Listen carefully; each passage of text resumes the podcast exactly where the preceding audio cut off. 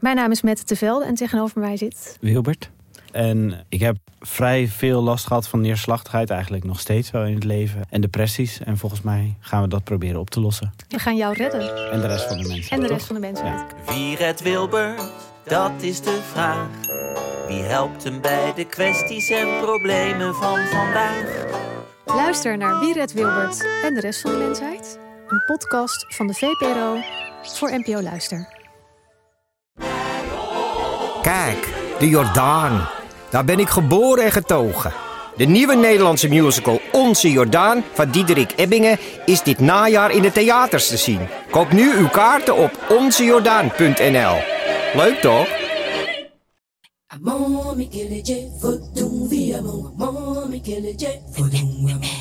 Welkom bij deze speciale podcast van De Groene Amsterdammer.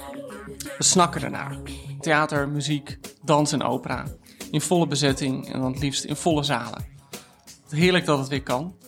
En wat een mooi moment dus voor het Holland Festival. Dat dit jaar het 75-jarig jubileum viert. Het festival doet dat dit jaar met twee bijzondere associate artists. De zangeres Angelique Kidjo en theaterregisseur Niklas Steeman. Die deze editie met hun kunst grenzen willen overstijgen. Nou, wie wil dat niet?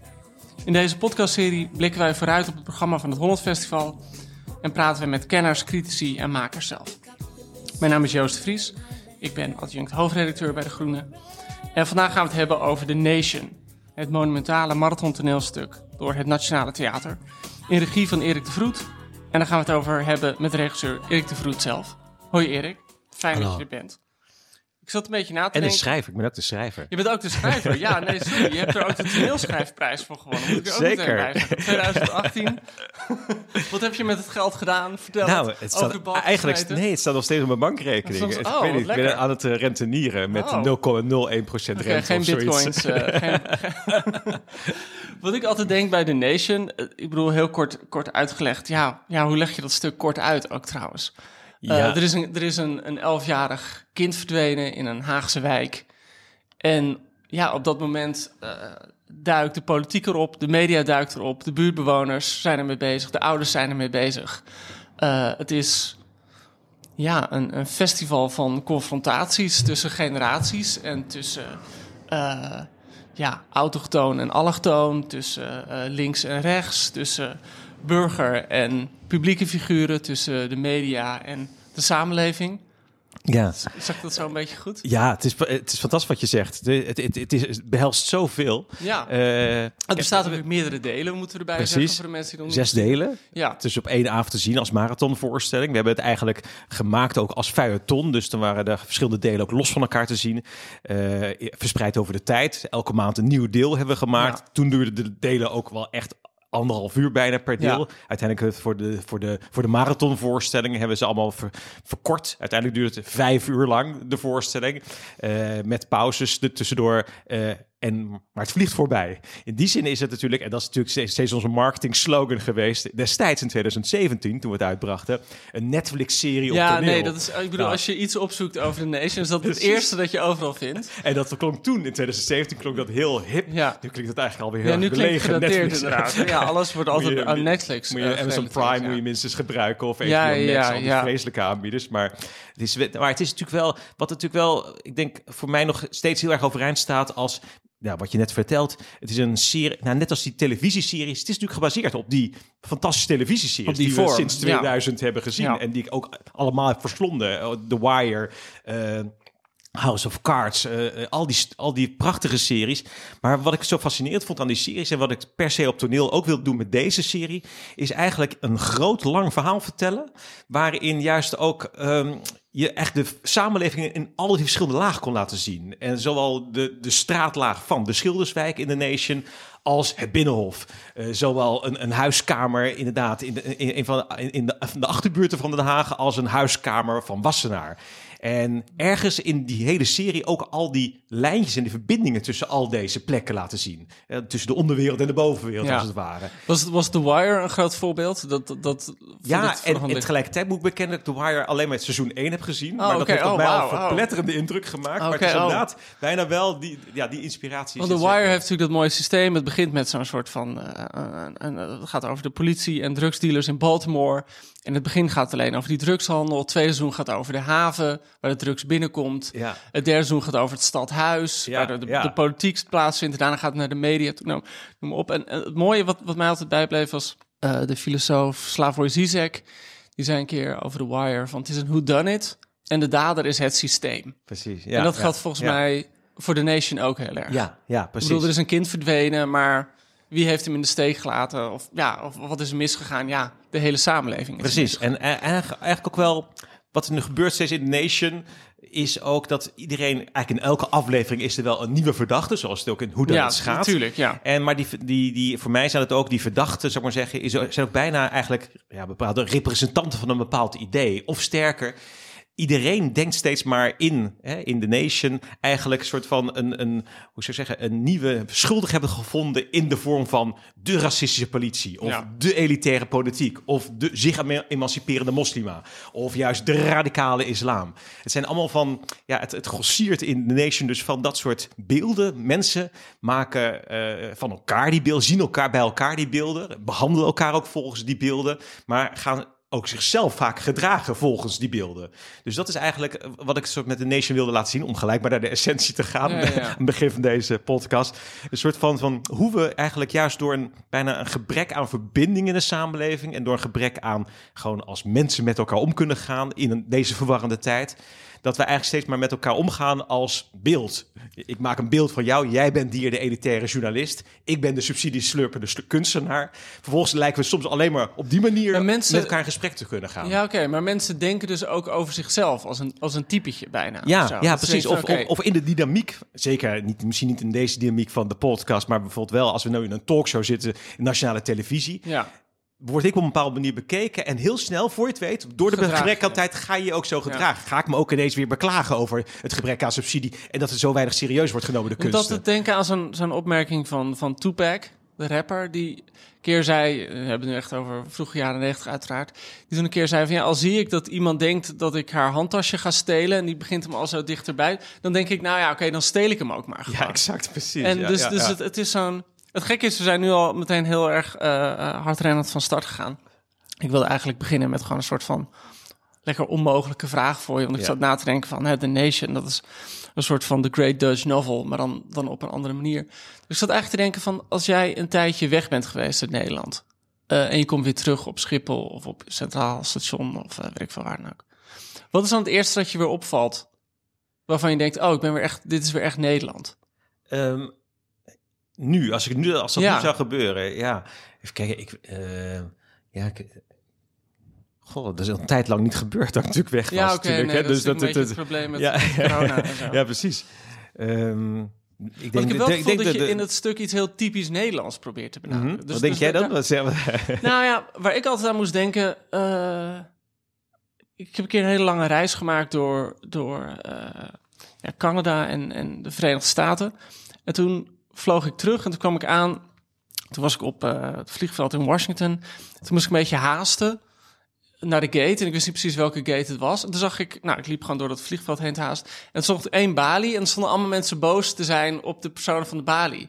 En gewoon, ik zag die gezichten en ik zag die rij en allemaal van die ongeduldige mensen. En toen wist ik meteen, oh wacht, dat is Nederland. ja, ja, Ik, bedoel, ik, ben geen, ik bedoel, ik ben gek op Nederland verder hoor. Dat, dat is het probleem. Maar opeens dacht ik weer van, oh wacht, dit is ja. gewoon allemaal mensen die even goed voor zichzelf opkomen. Ja, ja, ja, ja, ja, ja, ja. Ja, maar dat is ook misschien ook wel iets van de, van de, weet ik veel, van de laatste 10, 15 jaar of zo. Het is ook het, het nieuwe Nederland of zo, wat een Ja. soort van continu, waar, iedereen continu maar voor zijn recht op denkt te moeten Ja. komen. Je denkt al heel snel, als ik niet mijn bek open trek, word ik gepiepeld of word, word, word ik niet serieus genomen. Dat zie je natuurlijk ook in de hele coronadiscussie. eh, Of ja, het is allemaal zo geëscaleerd eigenlijk. Maar dat is eigenlijk, misschien is het wel iets, ja, is het nou Nederlands of is het juist heel erg atypisch voor Nederland? Hoe we ons de laatste, misschien wel sinds Misschien sinds de moord op Fortuin, sinds we ons sindsdien gedragen, is altijd maar dat verongelijkte.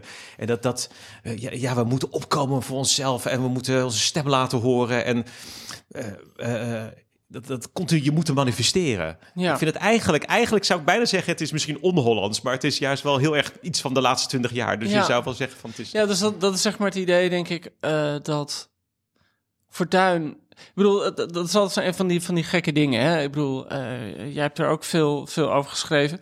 Ik bedoel, ik kwam toevallig een citaat van je tegen. Ik, ik zat te lezen uit een interview in De Groene. En dan schrijf je, eh, of dan zei je tegen Max Arian... Als je nu leest wat ik in 2001 schreef... in mijn driedelig toneelstuk Rodos... over vijf mensen uit de Phoenixwijk... dan is het al een vooraankondiging van de Fortuynrevolutie en van Wilders. Het is satire, maar de gesprekken gaan ook over die onvrede, dat populisme, de afkeer van immigranten, van ontwikkelingssamenwerking en ook van kunst. Want ik ken die mensen uit de buitenwijken goed. Ik kom zelf ook uit een dergelijke Phoenixwijk. En, eh, waar ik altijd aan zat na te denken, en dat is natuurlijk ook... Ik, weet niet of je die, die serie Het Jaar van Fortuin kijkt, die nu te zien is. ja. Eh, heerlijke serie. Ja. Ehm, dat, de vraag was toen ook heel erg van, was iedereen echt zo ontevreden? Of heeft Fortuin opeens tegen mensen gezegd, hey, jullie moeten ontevreden zijn. En toen werden we het ook. Ja, ja. Dus waar zat die... Dus, dus misschien is dat heel erg wat je, wat je beschrijft. Ik bedoel, ik, ik interpreteer nu een beetje vrij hoor. Maar dat mensen opeens dachten, oh, we zijn ontevreden. We moeten ons, onze...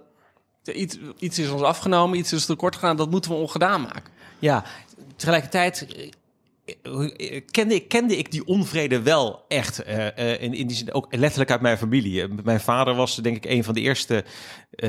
volgens mij geheime Janmaat-stemmers. En later uiteindelijk ook wel eh, Fortuyn-stemmer en PVV-stemmer geworden.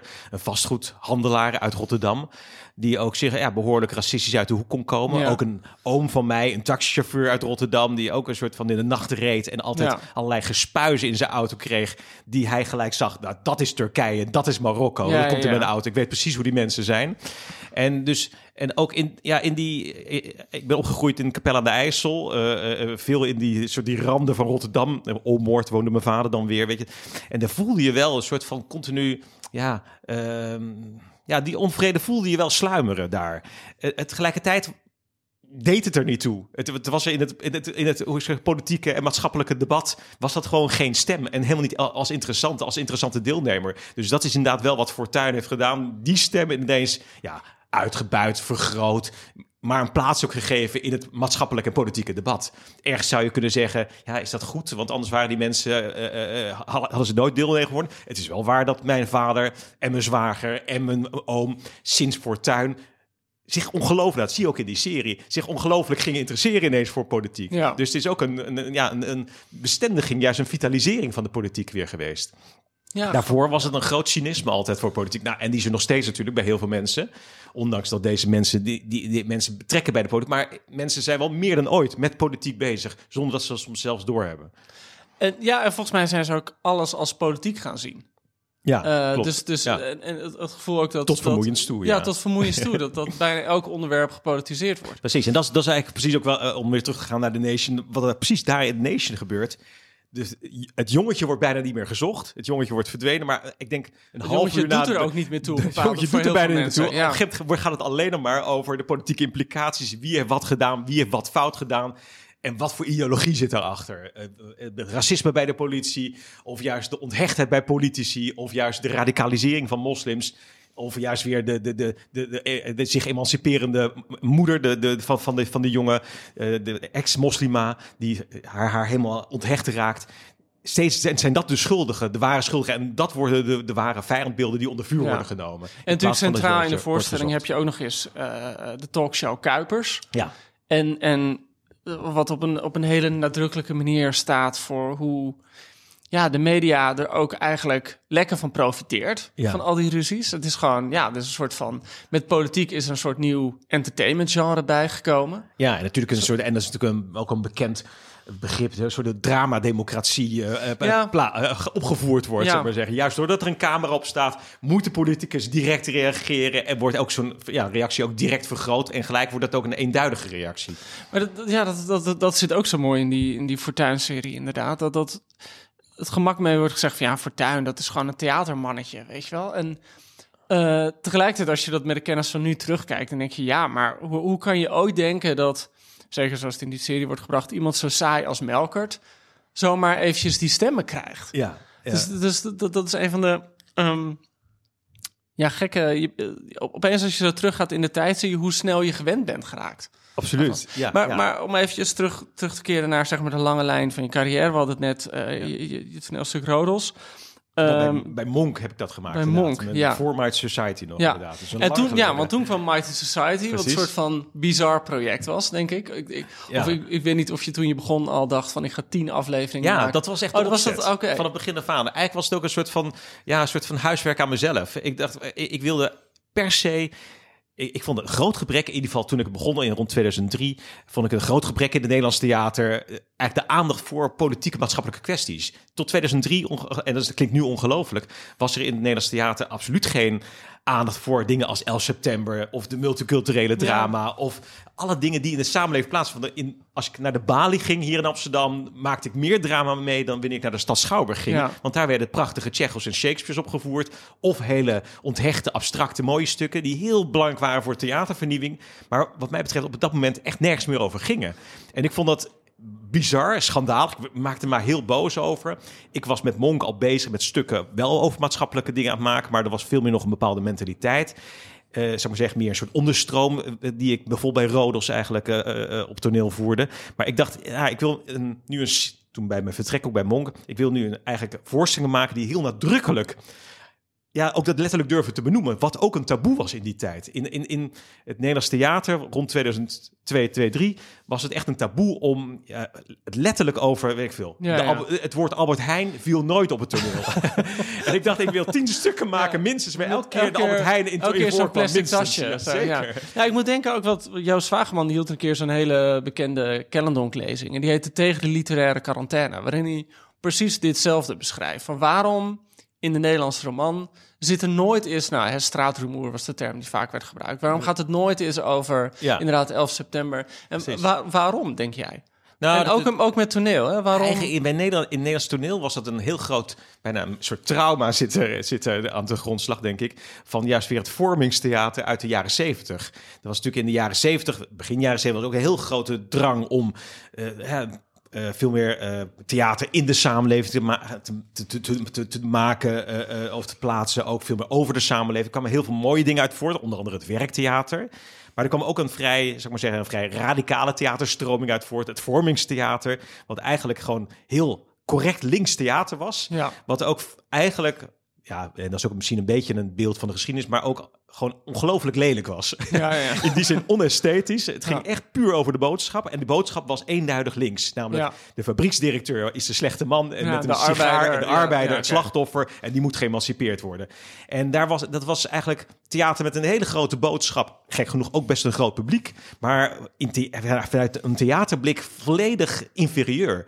En ik denk dat er zo, zo juist omdat het zo eenduidig was. eh, eh, en ook omdat het dus zo onesthetisch was. Echt in de jaren tachtig kwam er een groot tegenbeweging. Eh, dat moet nooit meer. Laten we daarmee godsnaam mee stoppen. En alles werd ingezet op theatervernieuwing. Ja. Dus de jaren 80 en 90 zijn hele grote stappen gezet in de theatervernieuwing door mensen als Geert-Jan Reinders, Ja. ook Ivo van Hoven later, eh, eh, nou, bekende regisseurs, een Wooster Group in Ja. Amerika. Het ging allemaal over theatervernieuwing. Ja, en de vorm. ja, en ook over natuurlijk over ook postmodernisme in die zin, ook deconstructie van de verhalen. Alle verhalen werden afgebroken, alles werd gefragmenteerd Ja, waardoor je ook letterlijk stukken kreeg. Bijvoorbeeld van Geert-Jan Reinders, die ik echt prachtig vond. Hè, de grote voorstellingen van hem uit de jaren 90. Count Your Blessings, ballet bij Toneel Amsterdam. Waren prachtige voorstellingen, montagevoorstellingen... waar je geen reet van begreep. Echt letterlijk niks. en Ja, waar, zo, waar gingen ze over? Over dood, over seks, over nog meer dood, over depressie. ja, ja. Als je die stukken nu leest, je denkt, wat staat er? Maar we vonden dat prachtig. Heine. Müller, natuurlijk net zo'n auteur uit, uit Oost-Duitsland in die tijd. Ja, ook heel belangrijk geweest, denk ik, voor de ontwikkeling van het theater. Maar eigenlijk, als je eerlijk bent, niemand begrijpt die teksten. Ja. Terwijl wij was op de toneelschool, wij, wij, wij, wij laafden ons daaraan. En we in de, in de jaren negentig wilden allemaal Heine Müller spelen. Terwijl wij er echt niks van snapten.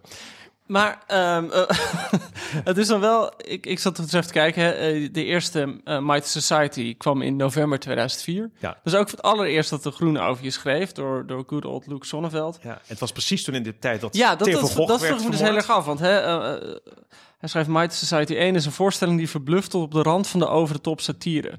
Zonder patserig of karikaturaal te worden. De tekst is een Kalashnikov salvo aan verwijzing naar de actualiteit zonder gewild politiek theater te zijn.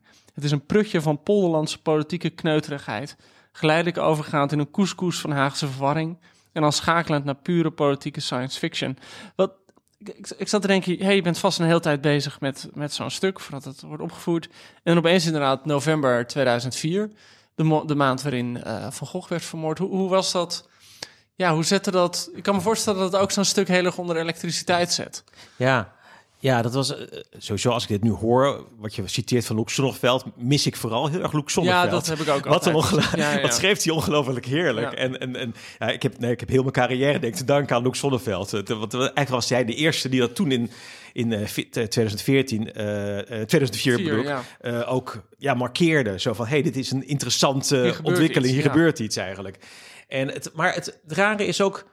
Ik weet nog wel dat wij toen... Ik heb natuurlijk Society 1... wat ging over drie spindokters in een ruimte... die de ideale politicus fantaseren dachten wij vooral natuurlijk continu aan Fortuyn. Het was helemaal gebaseerd op de opkomst van Fortuyn, maar ook de reacties op die opkomst en juist de reacties van de gevestigde politiek, onder andere de PvdA van Ad Melkert daarop. En was bijna de fantasie, stel je voor dat de PvdA nu gaat brainstormen, hoe moeten wij een, een, een, een, een, ideale politicus eh, eh, gaan vormgeven, dat ze dan uitkomen op een politicus die eigenlijk helemaal niet bestaat, Ja. maar alleen maar als beeld bestaat.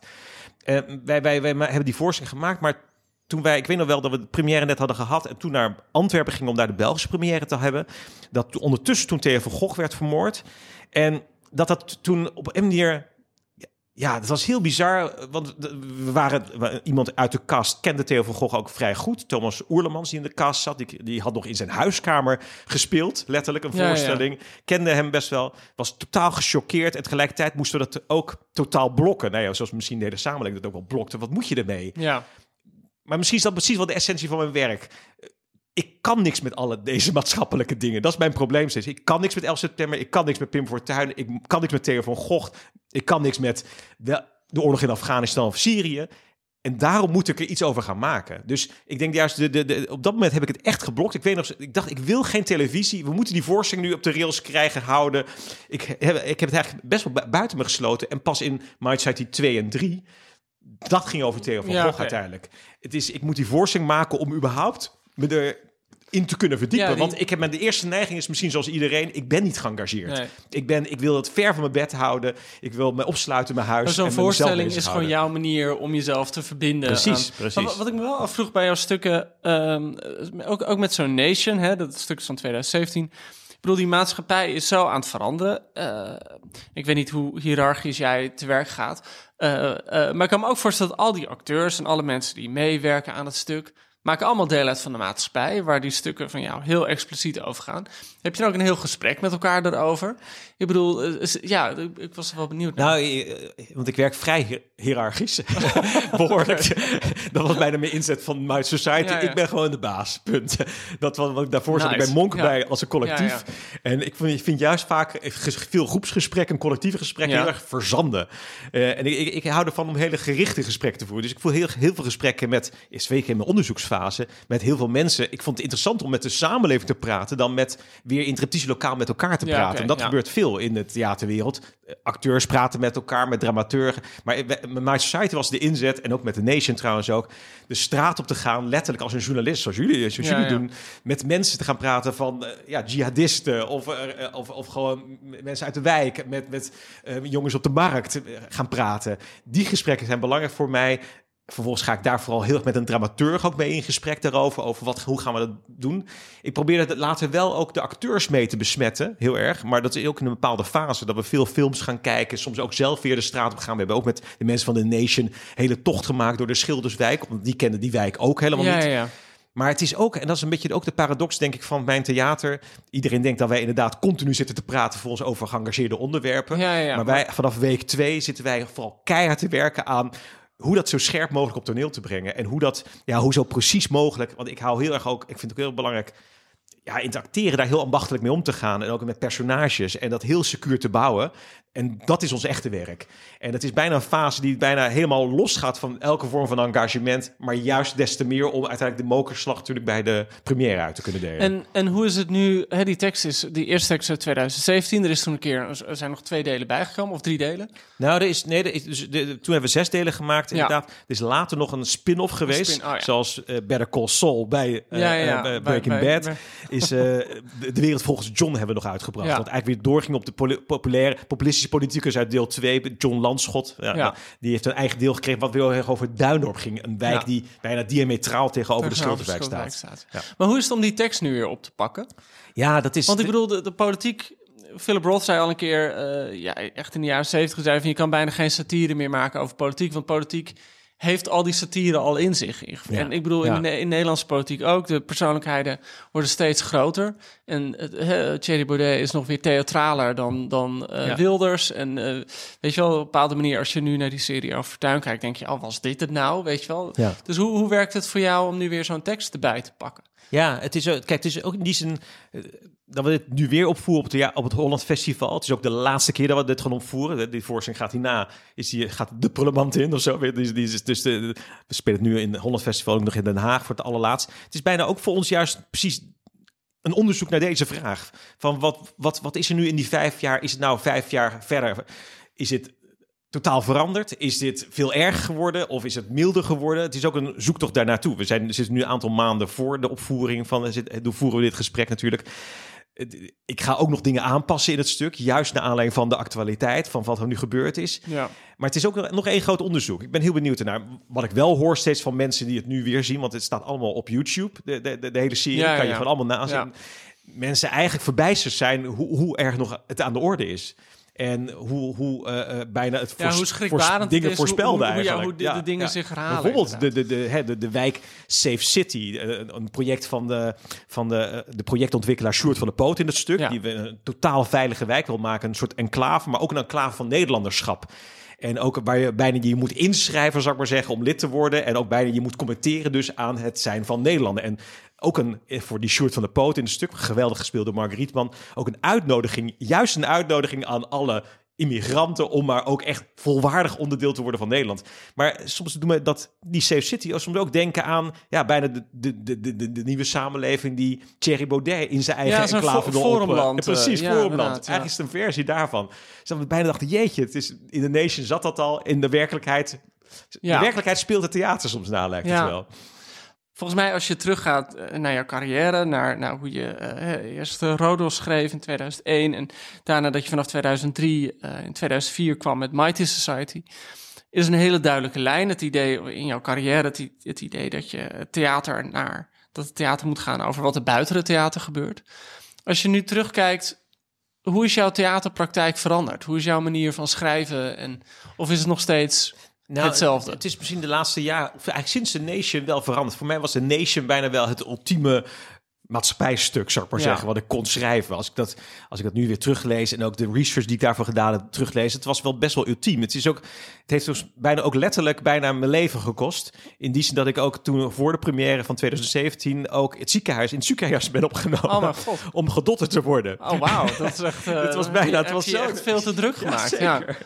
Nou, het is niet alleen maar door de Nation ding, maar het uiteindelijk wel, voelde bijna zo. Ja, ja, ja. Alsof ik alles wat ik had in de Nation heb gestopt, maar ook het ultieme stuk heb gemaakt voor, mij, voor mijn gevoel. Eigenlijk is dat ook een, wel een keerpunt geweest, eh, gebleken in, in, nou, in mijn carrière dus, in ook in mijn schrijven en mijn denken. Eigenlijk ben ik sindsdien elk jaar steeds weer meer naar mezelf teruggegaan. Ik heb daarna nog een belangrijk stuk geschreven, vorig jaar opgevoerd, De Eeuw van mijn moeder. Ja. Wat eigenlijk weer terugging, ook op Side 10, wat ook al een aanloop daarvan was. Wat heel erg En het ging gaat- heel erg over de, ja, je Indische roots. Precies. en het leven van je moeder. Ja, ja, Eh, ja, ja, klopt. En ook, ook wel, ik denk, misschien dat ik ook sinds de Nation ook steeds meer ben gaan zien, ook door dat Indische verhaal en Indische afkomst. eh, ook dat ik, hoe zou ik zeggen, eh, eh, misschien ook wel. Ik heb, ik, hoe zou ik zeggen, ik heb altijd politieke en maatschappelijke ontwikkelingen altijd heel erg buiten mij gezocht. Van ik was mezelf en de wereld was buiten mij en ik wil die verbinding leggen met de wereld. En sinds ik ineens eigenlijk zal maar zeggen, mijn koloniale geschiedenis ontdekte, zag ik ineens, hé, hey, maar die maatschappelijke en Het werkt ook andersom. zit in mezelf Ja, ja. eigenlijk, zit in mijn leven. Ik hoef het helemaal niet zo ver te reiken misschien wel. Misschien moet ik gewoon naar binnen kijken, want daar zit ook heel veel ontwikkeling. En heel veel verhaal eigenlijk, zal ik maar zeggen. En ook zelfs misschien ook, als ik nu zeg, ja, eh, het heeft mijn leven gekost. Ook het, het naar jezelf kijken en ineens zien van, jeetje, je lichaam kan kapot gaan bijna door werk en stress. Dat is ook een maatschappelijk ding. Dat is ook een maatschappelijk verhaal, zou ik maar zeggen, wat ik ook kan opvoeren. Eh, het heeft ook een beetje te maken met misschien wel, ik denk ook 2003 beschrijf ik net amper politiek theater. In nu 2022 is bijna alleen maar politiek theater, lijkt Ja, het wel. ja, ja. Alles is activeer. Jonge, jonge theatermakers, iedereen verhoudt zich tot maatschappelijke issues, identiteitsissues. Op een hele activistische manier vaak. Vind ik vaak ook heel boeiend, vaak ook soms ook veel te plat.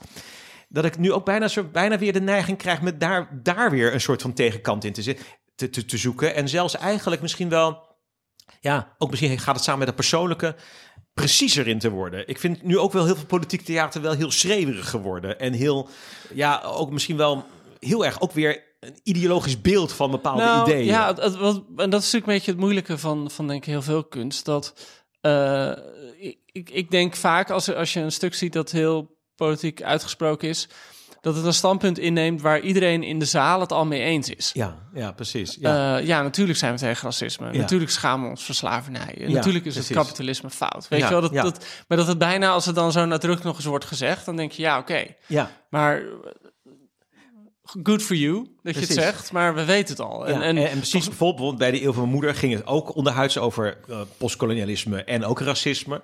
Maar wilde ik ook aantonen dat, en laten zien ook hoe dat racisme ook bijvoorbeeld bij Indische mensen, bijvoorbeeld weer ook heel erg in het DNA van het Indisch zijn zit. Ja. Het, het, het Ja, neerkijken op de. Indische inheemse bevolking. En dat ik ook mezelf eigenlijk ook continu ook me dreig schuldig te maken aan deze gevoelens of zo. Dus ik wil juist nog, nog meer de ambivalentie daarvan laten zien. En in plaats van heel nadrukkelijk eenduidig laten zien... ja, racisme is slecht, ja, de weten we wel. Ja. Maar hoe zit het nou in ons lijf? Hoe zit het in onze persoonlijkheid? Hoe zit het eigenlijk bijna ingebakken in ons leven? Ja. En dat vind ik misschien een interessantere zoektocht nog nu. Ehm, dit, dit is natuurlijk een heel groot stuk met een hoop acteurs. En eh, ja, het zijn meerdere toneelstukken in elkaar ge- gepropt. Eh, nou, het klinkt wat oneerbiedig, maar ik bedoel, hey, je bent natuurlijk nu bezig ook te kijken van hoe maak je zo'n lang voorstelling als The Nation in één avond. Eh, je bent ook met een andere trilogie nu bezig, Leedvermaak van Ja. Judith Hetsberg. Echt een klassieker, die ook, ik moet zeggen, heerlijk dat die weer een keer wordt opgevoerd. Ik heb hem nog nooit gezien, maar ik heb er altijd heel veel over gehoord. Hoe, hoe anders is dat? Of hoe, hoe vergelijk je die twee met elkaar? Ja, voor, voor mij... eh, Ja, voor mij is het eigenlijk, eh, hoort het allemaal bij elkaar. Ook, ook hierin weer, bij Judith Hertzberg. Er zijn heel veel, zeker nu in tijden van oorlog, er worden veel uitingen zijn er over oorlog, veel grote woorden over oorlog en nog grotere en nog grotere woorden. En Judith Hertzberg is ook weer de, soort meest, meester in de subtiliteit, in de, juist de nuance zoeken. Zij praat niet over de holocaust, de kampen, Nee, de nee. 6 miljoen slachtoffers. Nee, er Zij praat over de, zeepjes Ja. of de st- stukjes steen die in zeepapier zijn ingepakt en in de, bij de, in de gaskamers werden uitgedeeld. Voor haar is dat de holocaust. En dus voor mij is het ook weer een leedvermaak trilogie. Ook op Gruwelijk beeld trouwens. ja, dat is een verschrikkelijk echt gruwelijk beeld. Ja, ja. precies. Maar dat is eigenlijk precies wat Judith Herzberg doet. Zo'n klein beeld eigenlijk. Wat inderdaad heel precies is. Heel gruwelijk eigenlijk is. En dat is voor haar, ja, ja ze is ook dichteres. Weet je, juist in de kleine beelden zit er juist een hele grote wereld eigenlijk daar vervat. En eh, voor mij gaat dus die in de Leedvermaak trilogie heel erg over nu. In tijden van de oorlog. En ook over de samenleving. Maar inderdaad op een hele persoonlijke, precieze manier. Ja. Erik, heel fijn dat je er was. Dankjewel. Yes. U luistert naar een podcast van het Holland Festival in samenwerking met de Groene Amsterdammer. Eh, kijk op hollandfestival.nl voor meer informatie, data en kaartverkoop. Bent u nog geen abonnee van de Groene? Een groot schandaal. Ga dan naar groene.nl voor meer informatie. Holland Festival wordt mogelijk gemaakt door het ministerie van OCW, de gemeente Amsterdam, productiepartner Amodo, hoofdbegunstiger Fonds 21, HF Business Partners, particuliere fondsen en vele, vele vrienden. Dit was één aflevering uit een grotere reeks van podcasts die we met de Groene maken, naar aanleiding van de voorstellingen van het Holland Festival. Wil je nou nog meer gesprekken horen met makers, met kenners en critici over de voorstellingen die in het komende Holland Festival seizoen te zien zijn en te beluisteren zijn? Ga dan naar uw favoriete podcast app en zoek daar de Groene Amsterdammer Holland Festival podcast. Dan vinden ze allemaal netjes op een rijtje lekker luisteren. Deze podcast werd gemaakt door Giselle Mijn Lief. Ik ben Joost Vries. Bedankt voor het luisteren.